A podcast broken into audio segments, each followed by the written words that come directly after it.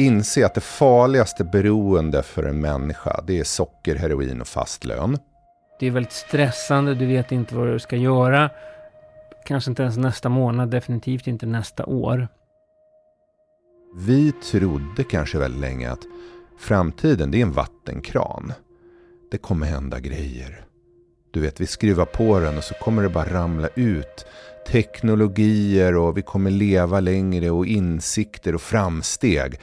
Och framstegskranen är påskruvad och går inte att stänga av. Insikten så här, vad fan vi provar. Det vore bättre om den läggs till astronomi än vilken spellista ska Crazy Frog ligga på. Vi är jätteglada över att ha Adrigo, fondförvaltare och presentatör den här säsongen av Gradvalla Magnus. Tusen tack till Adrigo.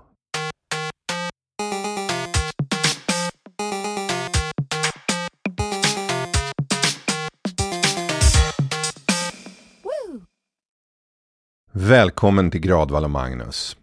Jag heter Magnus Linkvist och är futurolog. Och jag heter Jan Gradvall och är journalist. Det här avsnittet heter Vafanismen eller Vafanismen. Vet du när framtiden uppfanns, Janne? Intressant fråga. Ingen aning, uh, men det har ju säkert jag tror inte man tänkte så mycket på framtiden på stenåldern. Då tänkte man verkligen bara på samtiden, överlevnad. Det är väl när man kan börja blicka framåt. Jag gissar att den framtiden uppfanns 1721. Om, ehm, jag tror att du ligger 130 år för tidigt då. För det är inte bara att den mänskliga hjärnan är mätt nog att kunna tänka, utan det är också att det ska vara meningsfullt. Därför om ingenting är annorlunda imorgon, då finns det ingen poäng att tänka på framtiden. Och det sker först på 1800-talets mitt. Så gör man en Google Ngram sökning, det är när man Google har skannat in en massa böcker och så kan man söka på ord eller fraser eller personer och hur ofta det skrevs om dem. Och hur ofta det skrevs om något kan ju vara en indikation på hur ofta folk pratade om det och tänkte på det. Och tyvärr har man inte gjort det på svenska, men på engelska så dyker The Future upp på 1850-talets mitt. På tyska dyker Zukunft upp 1850-talet någonstans. Och eh, på franska L'Avenir, alltså inte bara futur som är bara tiden framför oss, utan L'Avenir, en plats där vi drömmer om framtiden, dyker upp 1800-talets mitt. Intressant, för att om jag hade tänkt till lite mer så tänker jag att jag har läst Niklas Natt och Dag har skrivit eh, superbra intressanta roman som heter 1793 och 1794. Och skildringen av Stockholm 1793 är bara en stor, en stor sjukdom där folk antingen dör av sjukdom eller super ihjäl sig. Så att begreppet framtiden, det låter logiskt att det kommer när medellivslängden ökar. Läkarkonsten blir bättre. Forskningen blir bättre så man har odds att bota en del sjukdomar. Och det är hårdvaran omkring dig. Sen har du ju mjukvaran också. Vem, var ska du bo? Vem ska du gifta dig med? Vad ska du bli när du blir stor? Det här dikterades ju åt dig av förfäderna väldigt länge. Du föddes och dog i Dörarp och gifte dig med granndottern. Men plötsligt 1850-talets mitt genom upplysningstiden, eh, protestantismen, reformationen, allt som har skett decennierna och seklerna innan leder fram till en tid att vi börjar tänka, men vänta här nu. Morgondagen kan bli annorlunda. Både i hur vi lever och sen så accelereras det ju här. Slutet av 1800-talet är nog det mest teknologiskt avancerade, eller ska vi säga accelererade eh, tempo vi någonsin har sett. För på kort tid kom allt ifrån radio, telegraf, elektricitet och, och liknande. Jag tänker på Jules Verne, eller Jules Verne som jag trodde han hette när jag var liten. Eh, jag vet inte när de böckerna är skrivna, men jag tror att det är sent 1800-tal. Han är någon sorts prototyp till science fiction och gör då en värld som seglar under havet som handlar om en stor ubåt som utforskar. Det finns resan till jordens medelpunkt. Det finns någon i rymden. Men han är ju också där börjar vår bild av framtiden forma sig. Det vill säga hur ser framtiden ut när vi då tänker på den. Och kollar man på just science fiction så är nästan framtiden alltid ren och snygg.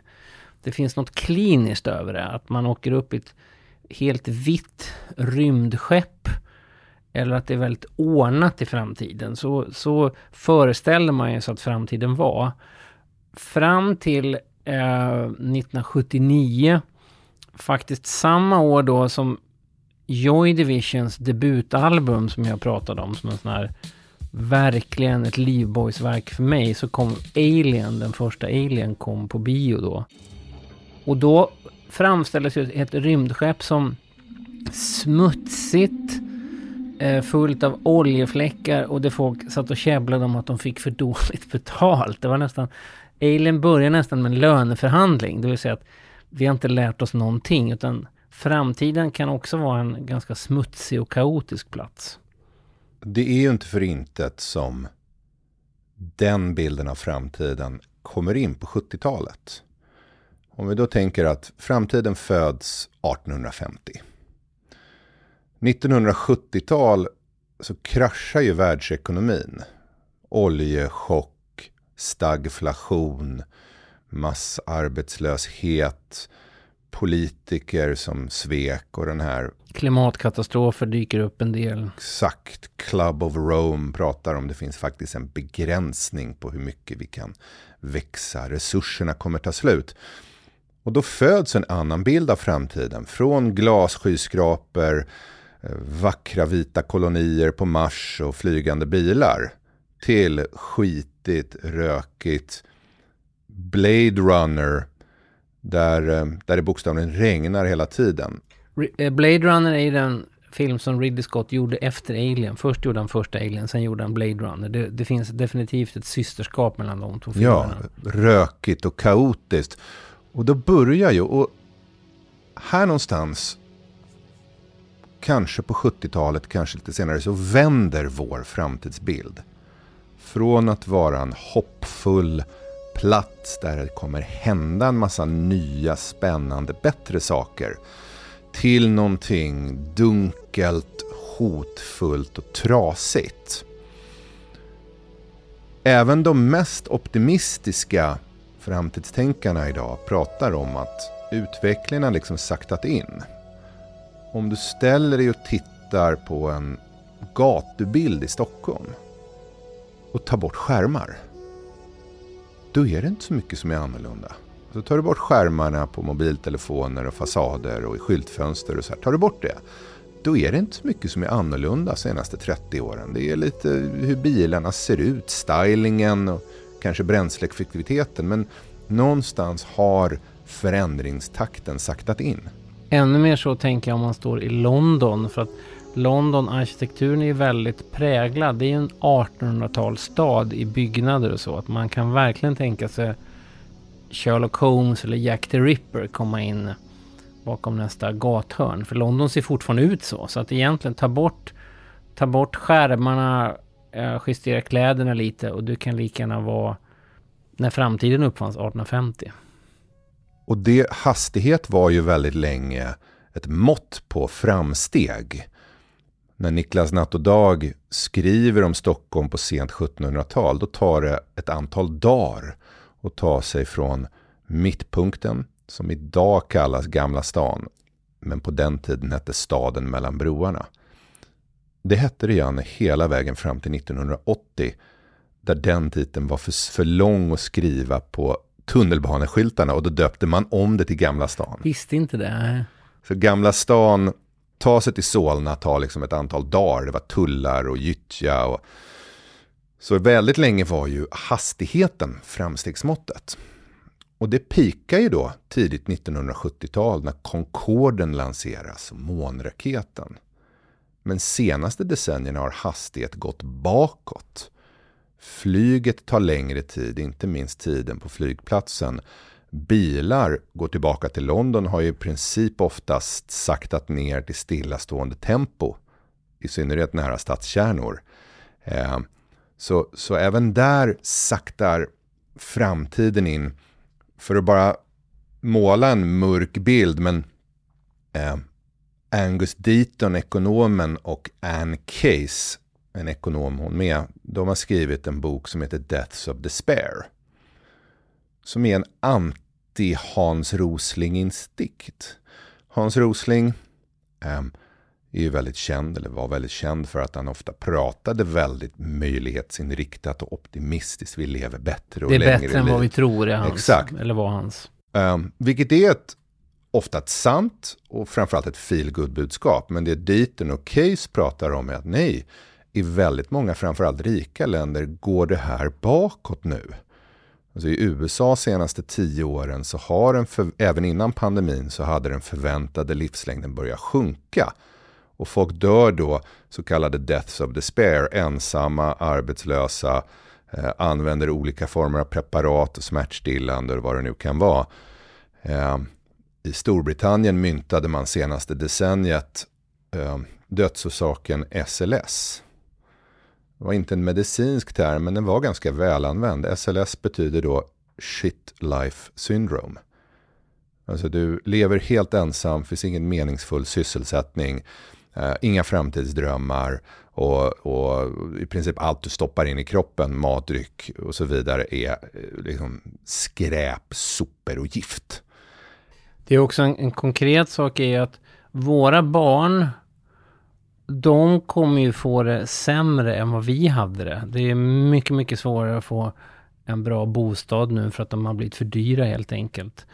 Ehm, de har inte råd på samma sätt att plugga. Man bara söker sig fram utan man måste mycket snabbare komma fram till en karriär. Och eh, lönemässigt så kan det också bli tuffare. Och det är ju unikt så att säga det här skedet. Medan vi då när vi växte upp eh, kunde liksom resa mer än vad våra föräldrar gjorde och så vidare. Så utan att låta allt för pessimistiskt så är det ett faktum egentligen just nu i världen. Vi ska gräva ner oss i pessimismen innan vi kommer till vaffanismen. Vet du vad dreptomani var för någonting? Nej, kan det ha någonting med dräpt att göra? Förmodligen inte. Det var en faktisk medicinsk term tidigt 1800-tal i USA. Där läkare diagnostiserade slavar. Att de led av dreptomani. Och vad var då det? Jo, det verkar som de har någon slags märklig irrationell lust till att bli fria. Varför det? De har det ju så bra här på bomullsplantagen. De får mat och eh, är trygga och säkra. Varför skulle de vilja bli fria? Det säger ju verkligen någonting om om människor inte passar in i det rådande klimatet, då kan man ofta sjukdomsstämpla det. Du nämnde bostadsmarknaden.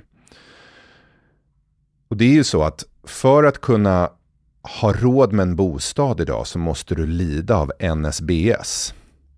Normal Safe Boring Syndrome.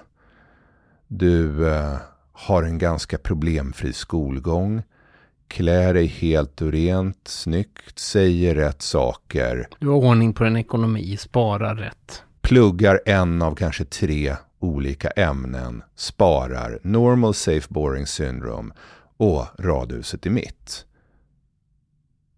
Och då kommer vi till kärnan i det här. Därför vi trodde kanske väldigt länge att framtiden det är en vattenkran. Det kommer hända grejer.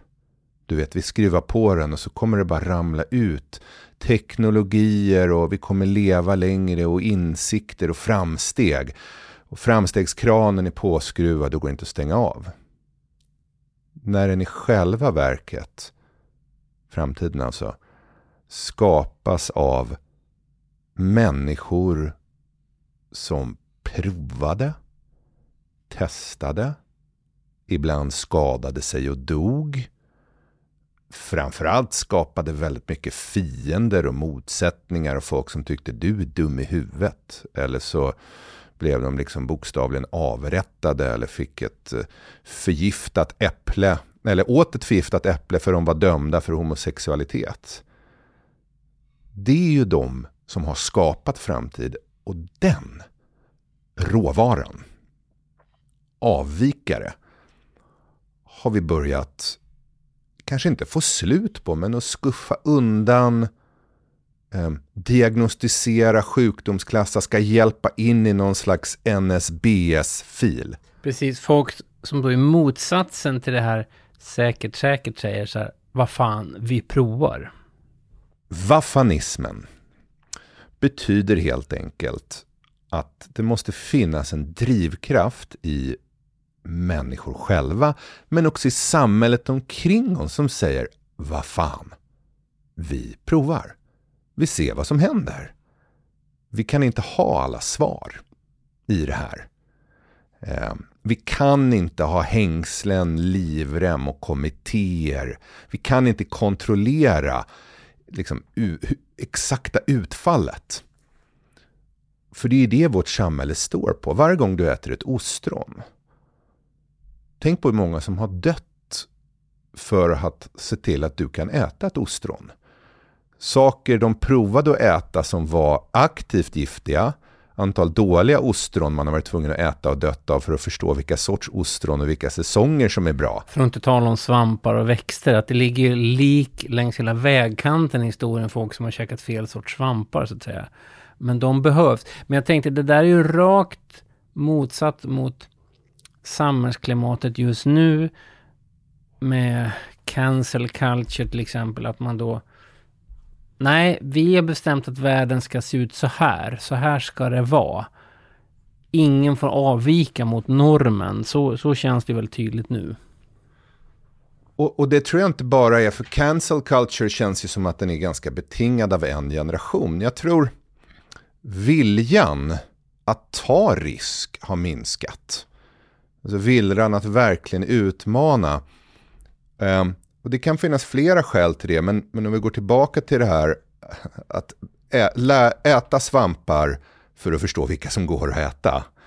Det har ju människan gjort under århundraden. Så att vi idag förstår att en kantarellrisotto, gott flugsvamprisotto, håll dig undan.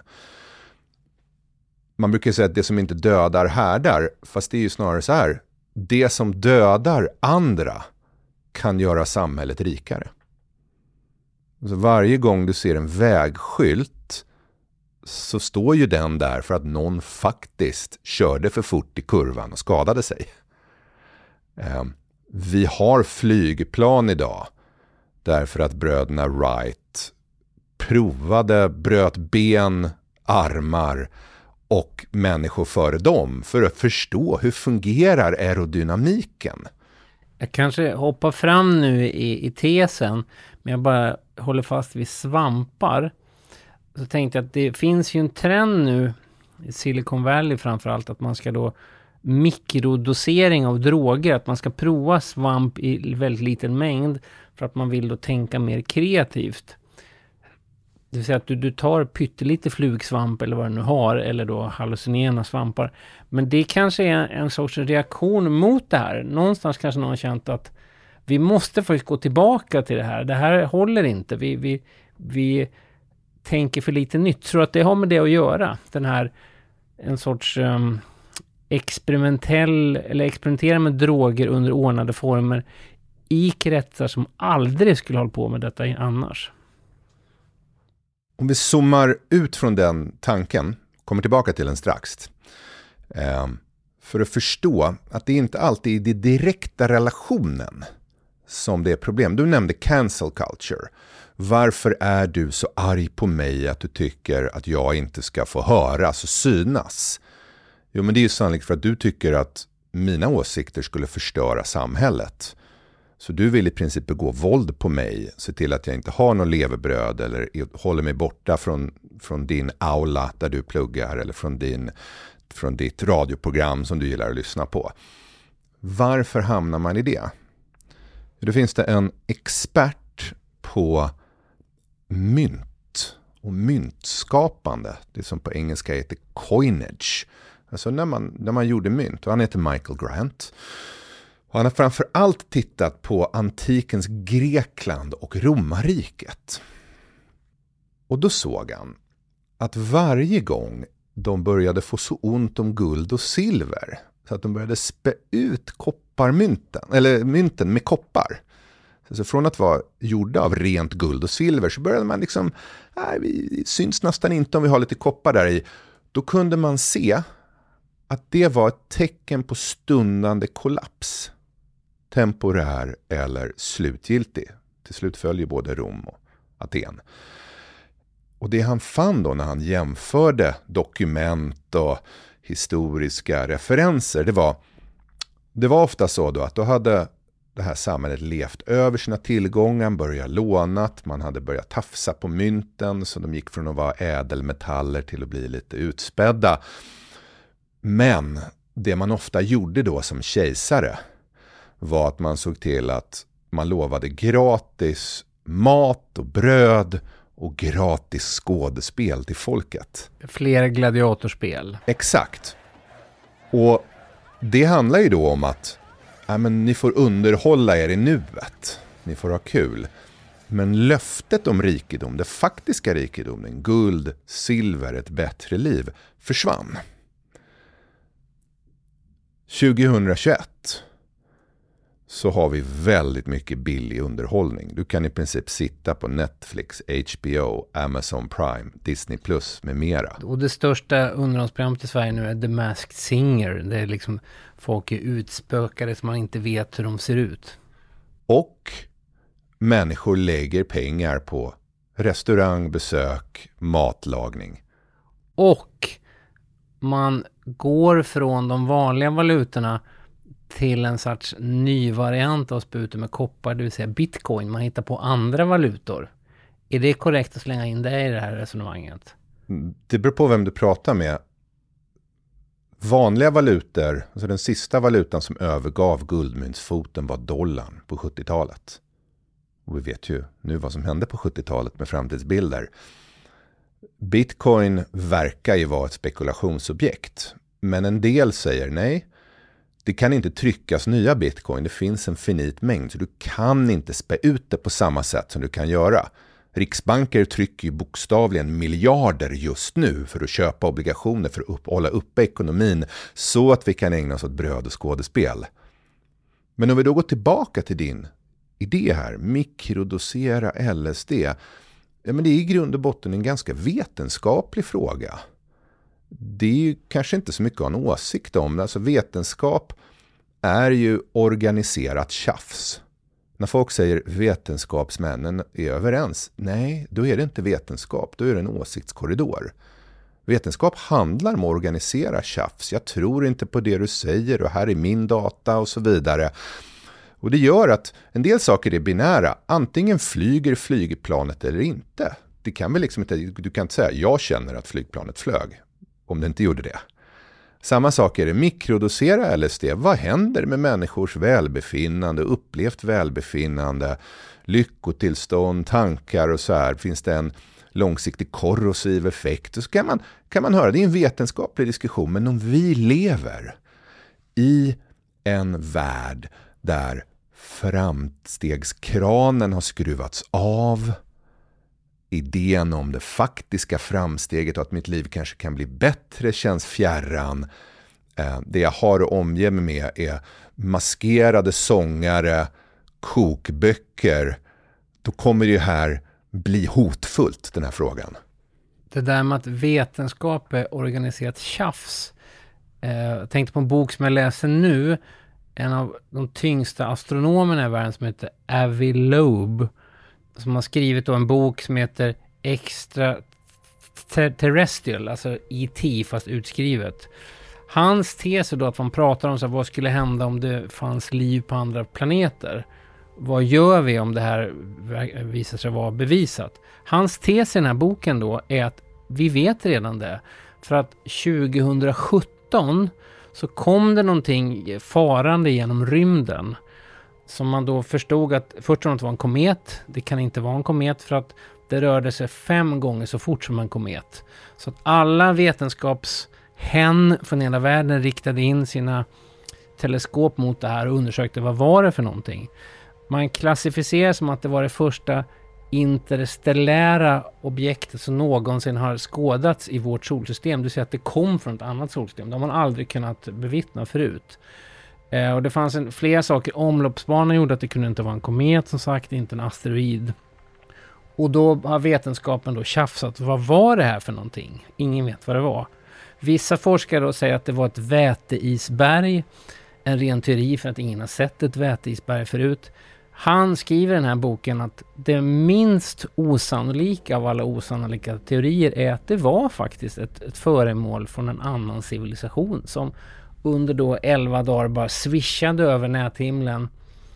Eh, och eh, det, det var första gången det har hänt. Och han är alltså en av de tyngsta astronomerna i världen. Han använder framförallt det för att han kritiserar den här ryggradsreaktionen. Om vi inte vet vad det är så vill vi inte erkänna att det kan vara någonting vi inte känner till. Och vår ekonomi bygger på att öppna nya gränsland.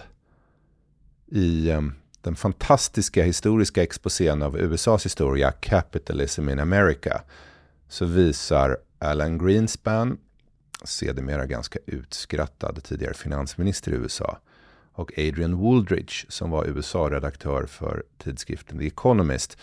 De visar att USA byggde på tanken om the frontier. Att det finns ett gränsland att utforska, kvar plats och växa. Som hela vilda västern var ju så, att var, var är gränsen, var är the frontier någonstans? Ja, så när entreprenörer idag pratar om vikten av att utforska andra planeter så är det inte samma sak som att köpa en större lyxjakt och cruisa runt med utanför Monaco. Utan det är bokstavligen att eh, skjuta gränslandet framifrån, att blottlägga de tidigare mörklagda mysterierna. De flesta människor idag förhåller sig finns det liv i yttre rymden? Oj, oh, ja, nej, kanske. Och antingen blir det någon slags new age-övning i fredsskapande eller aliens revisited, vi kommer invaderas av ett virus. Istället för att förstå att allt vi ska göra framöver bygger på att utforska gränslanden inom oss, utom oss, andra galaxer, världshaven. Det behöver inte betyda exploatera, men att se, utforska, förstå. Eh, Karl Ove Knausgårds roman Morgonstjärnan bygger ju på det här att mänskligheten förenas. Och eh, inte för att gå saker i förväg, men man läser den, också slits isär av att titta på någon gemensamt främmande himlakropp. Eh, det har sagts förut, men alltså, Sveriges mest attraktiva arbetsgivare idag heter Spotify. Det är alltså bokstavligen så att de skarpaste hjärnorna i den unga generationen idag lägger sina dagar på att fundera över om playlisten ska heta Dinner with Friends eller musik att grilla till. Och trimma en rekommendationsalgoritm. Med all respekt för den här ganska billiga stora jukeboxen som Spotify är, så tror jag att skarpa hjärnor kan användas till större och faktiskt bättre ändamål. Exakt, att insikten så här, vad fan vi provar, det vore bättre om den läggs till astronomi än vilken spellista ska Crazy Frog ligga på. Det tänker jag på med skolan också. Skolan, där har man ju nu pratat i något decennium om att det går oändligt mycket bättre för tjejer i skolan. Inte alla tjejer, men som grupp betraktat. Och man grupperar ju gärna människor idag, ställer Ja, men det finns, det finns ju statistik som faktiskt visar detta. Ja, mm. och det går bättre på universitet. Men tänk om jag berättar för dig att det finns en sport där människor över två meter, det går alltid bättre för dem. Då hade vi kanske inte trott att det var människor över två meter som var automatiskt fantastiska. Vi hade tänkt, vänta här nu, det kanske handlar om basket. Vi måste möjligtvis alltså dra slutsatsen att skolan faktiskt är designad för en del sorts tjejer. Det vet ju de flesta människor som har antingen tjejer som inte passar in eller barn som är icke-binära eller pojkar. Att det är en väldigt smal lina man ska balansera på. Till och med kreativitetsämnena man ska skapa med händerna måste du nu kunna skriva ner och resonera kring vad du har gjort. Och jag har tänkt på det väldigt ofta, att du har ju då en gratis kanal som heter YouTube, en annan som heter Fortnite, där du kan i realtid chatta med människor som är yngre och äldre. Det är smart, det är realtid, det är kreativt och snabbt. I skolan så sitter människor kvar med läroböcker, typ Den försvunna diamanten. Som, som är... var ett sällskapsspel, men jag förstår vad du menar. Ja, ja men det, jakten på, den, den försvunna diamanten var ett mm, sällskap på mm. 70-talet, men det finns en diamantbok i lågstadiet idag, när det är Asta, Bea och Caesar, tre helt värdelösa individer och tar de fyra kapitel och tar sig in i ett hus där det bokstavligen inte händer någonting alls. Så det blir tråkigare, sämre, mer lydigt i en tid när vi skulle behöva mer vaffanism. Jag vill bara understryka det här så att för så fort man talar om detta så är det som gjort för att någon kan rycka ett citat och det kan missförstås. Men det är ju faktiskt belagt att sättet som skolan är uppbyggd på nu passar då tjejer bättre än killar. Och det är bra på ett sätt att äntligen kan man då på sikt skapa en bättre balans. För att det är fortfarande så att kvinnor har mindre chans till bra jobb, de får lägre löner bevisat då. Men nu har det gått så långt att där vi har bestämt det inlärning passar inte alls unga grabbar för att deras hjärnor funkar inte så. Kvinnor är mycket mer tidigare utvecklade i den åldern, smartare tidigare och då visar all form av statistik världen över att de som får de bästa betygen lyckas bäst i skolan just nu är tjejer. Men vi ska inte ge som avslutande tips och tankar om att skolan måste reformeras. Det får lämnas åt mera... Ja, men verkligen, det, får, det får man ta i Almedalen. Man, man, man, kan bara konstatera detta. Och det är bra på ett sätt att det kanske kan bli en jämvikt då. Men det får ju katastrofala följder just nu. Nu tänker jag, för att um, reboota vaffanismen för alla som lyssnar på Gradvall och Magnus. Vad behöver vi göra? Nummer ett. Inse att det farligaste beroende för en människa det är socker, heroin och fast lön. Det är lätt för mig och Jan Gradvall som båda är lite frifräsare att säga. Men det är sant. Har man haft fast, regelbunden, stadig lön, inkomst väldigt länge så blir man ofta som något form av tamdjur.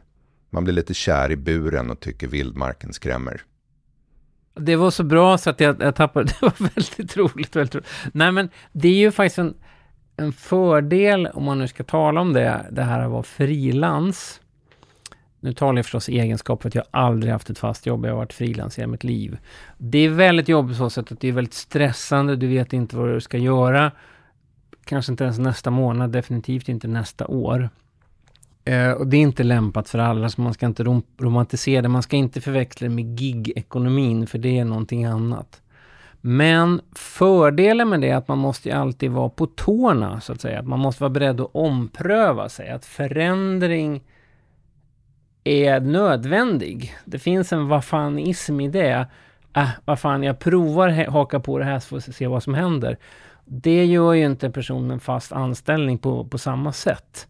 Så att i, i det här frilansandet, vad man nu kallar det, egen företagare, så, finns, så måste man av nödvändighet eh, tänka lite som en, eh, men en, en person som testar gränser helt enkelt. Jag lyssnade på en intervju med Josefin Landgård, en entreprenör som grundade läkartjänsten Kry och numera bygger upp ett eh, hudvårdsföretag som, som bygger sina produkter på CBD-olja. Alltså den icke berusande beståndsdelen i cannabis. Hon sa någonting väldigt klokt. Hon sa värdet på det företag man bygger upp, det är summan av alla hinder du har tagit dig över. Och jag tänkte på det, jag tror att det är väldigt sant för företag, men jag tänkte att det är väldigt sant för livet. Värdet på livet det är summan av alla risker man har tagit, hinder och kriser man överlevde och tog sig runt över eller under i den här delen. Inte eh, att man stod i hatt på Instagram, fotades och alla sa Gud vad snygg du är. Däremot bara för att, jag måste bara när vi säger kry så måste jag bara lägga in, det har ju fått till följd att de som slukar pengarna i sjukvården i de unga och friska istället för de gamla och sjuka. Det är min åsikt om hela det. Men det är intressant. Det var ett väldigt bra citat som hon sa. Jag tänkte en annan förebild är ju Robin som flera gånger under sin karriär har gjort det här. Äh, vad fan, vi provar att jag, jag, jag köper ut mig från mitt skivkontrakt med egna pengar och så provar jag startat mitt eget Konishiva Records.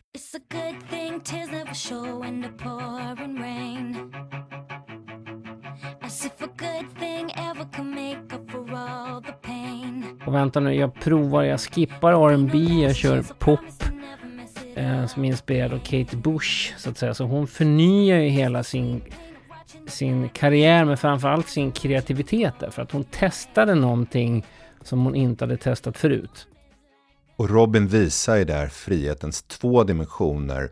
Man måste dels vara fri att få prova, men man måste också vara fri från det gamla. Man måste vara fri från förtryck, cancel culture, skivbolagskontrakt, fast löneavtal och så vidare. Min sista tanke här, som jag alltid blir optimistisk av. För människor har ju liksom bytt ut frihetstanken till någon slags teknologisk determinism. Allt bra som kommer hända kommer skapas av ingenjörer, självkörande bilar, robotar som ska köpa gig, kö, köra gigjobb och sådär. Det är något helt annat. Men för fyra år sedan, i maj 2017, så spelade DeepMinds Go-algoritm, AlphaGo, eh, sin sista match med sina sista tre matcher. Men i schack eller? I Go. I Go, äh, alltså Go. Ja, just det, brädspel. Ja. Uh, mot den regerande världsmästaren KG från Kina. Vann alla tre matcherna. Och gick sen likt en falnad rockstjärna av scen. Eller algoritmer kan inte gå av scen. Och det vet folk och det har folk hört talas om och man vet att... Men vänta nu. Förlåt min ouppmärksamhet. Vem var det som vann matchen? Var det datorn eller den här? Datorn. Datorn vann, ja. Mm. Eller programmet. Mm. Det, men det känner folk till, att programmet slog en Go-mästare. Och Go är mer komplext än schack och så brukar man säga att ja, maskiner kommer kunna göra saker. Men det intressanta här var vad en kommentator sa. Datorprogrammet spelar inte som en människa. Men det spelar inte heller som en maskin. Det spelar på tredje, nästan utomjordiskt sätt. Alltså ett sätt vi inte har sett och tänkt på förut. Så det AlphaGo visade var att det fanns ett mycket, mycket bättre sätt att spela Go på än vad människor hade uppfunnit. Och det är det jag tänker på. Det måste ju betyda att det finns bättre versioner av allt där inne. Använder vi torium istället för uran så blir kärnkraften bättre. Skjuter vi fler trepoängare i hela laget så blir basket bättre, vilket har skett senaste 5-6 åren. Det finns bättre versioner av konst, musik, vetenskapliga insikter, drivkraft, hastighet. Så vi behöver inte bara vaffanism, screw it, let's do it, jag provar och likt Robin kör jag mitt eget Konnichiwa Records. Utan vi behöver också åfanismen. Det finns oändligt många bättre versioner av det vi gör och det är ett hopp och ett löfte. Om vi alla säger vad fan vi provar. Vi vill verkligen tacka fondförvaltaren Adrigo som stöder oss och tror på oss den här säsongen. Nu kommer en intervju med Jan Gradvall och Staffan Östlin från Adrigo. Vilka förebilder har Adrigo som företag? Man kan säga tre saker, eller tre personer som jag skulle vilja lyfta fram. Dels skulle jag kunna säga att, att Warren Buffett är en, en eh, person som dels eh, är beundrad genom att han är en otroligt långsiktig investerare. Dessutom så har han den goda eh, idén att skänka bort en väldigt stor del av sin förmögenhet och ge det då till Bill och Melinda Gates Foundation. Han inser att han kan inte göra det här själv utan han vet att de gör det här på ett väldigt, väldigt systematiskt sätt. Det tycker jag det är en stjärna i min bok. Jag såg en väldigt intressant dokumentär om Warren Buffett. Han, han läser ju sex timmar om dagen. Mycket speciell man ja, ja. och åker omkring i en gammal Cadillac. det gör jag också. Mm. En gammal. Men påverkade Warren Buffett? nej. Nej, nej, okej. Okay, okay. För du hade varit en mm. Warren Buffett-fan ja, om du hade haft det. Nej, och en annan person som jag skulle vilja lyfta fram som vi beundrar, det är en totala motsatsen kan man säga. Det är en hedgefondförvaltare som heter Stanley Druckenmiller. Och eh, vad jag tycker är intressant med honom är att han har den möjligheten, mentala kapaciteten att på en onsdag kan han ha en uppfattning och sen på måndag så sker det någonting och eh, då, då, då ändrar han uppfattning och det är väldigt svårt för, en, för investerare om man har gjort en investering att så att säga tänka om på, under väldigt kort tid. Och det, han är dessutom också eh, stor filantrop. Eh, så att. För det är väl lättare sagt än gjort att vi är väl alla präglade med att man har uppfattning om hur någonting bör vara. Och just kunna ändra uppfattning från en dag till en annan. Det är det man drömmer om man kanske kollar på en politisk debatt. Det händer ju aldrig att någon säger ursäkta jag hade fel, nu håller jag med dig. Eh, väldigt värdefull egenskap kan jag tänka mig som är viktig för dig också. Den är mycket värdefull och den är ganska svår. Mm. Och eh, ibland får man göra saker som, som när, när det gör ont i magen, så då, då tar man rätt beslut. Ofta kan det vara. På vilket sätt då? När det gör ont i magen? Man skulle tro att när det känns bra i magen? Ja, men ibland så, så måste man agera mot... Alltså psykologin är ju ofta att du kanske du har köpt en aktie och någonting förändras som är negativt för den aktien och eh, den går ner 10 procent. Eh, när du gör din analys och ser att ja, men den här ska nog gå ner 10 procent och den ska nog gå ner 10 procent till, då gör det ont i magen att sälja den där aktien, men det är faktiskt det, det, det rätta att göra då, om man nu har, så att säga, om förutsättningarna har förändrats så dramatiskt. Så Nu har du nämnt två förebilder, vilken är den tredje? Den tredje är kanske lite mindre känd för, för allmänheten. Han heter Richard Rehouse.